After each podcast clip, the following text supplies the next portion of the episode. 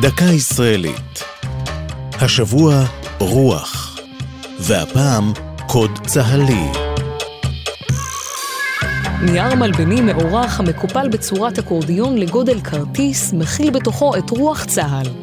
הקוד האתי הכולל את מטרת הצבא, עקרונותיו והערכים שעל פיהם צריכים חיילי צה"ל להתנהל.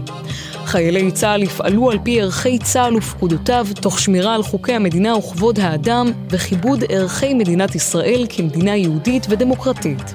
כך מסתיימת פסקת המבוא של המסמך, ולאחריה מובאים גם ערכי היסוד של הצבא, ועוד ערכים המבטאים רעיונות מוסריים ומסייעים לארגון ולסדר של צבא ההגנה לישראל.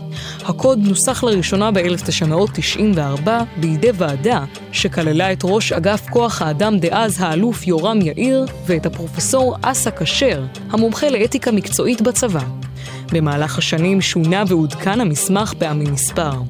בעקבות האינתיפאדה השנייה עלו שאלות אתיות ומוסריות שאילצו את הוועדה שניסחה את רוח צה"ל לנסח גם קוד אתי ללוחמה בטרור. אין לתקוף את מי שנכנע, ויש להשתמש בכוח מידתי, הם שניים הערכים המופיעים במסמך שנוסח מחדש. זו הייתה דקה ישראלית על רוח וקוד צהלי. ייעוץ הפרופסור זאב דרורי, ייעוץ לשוני הדוקטור אבשלום קור, הגישה עמלי חביב פרגון.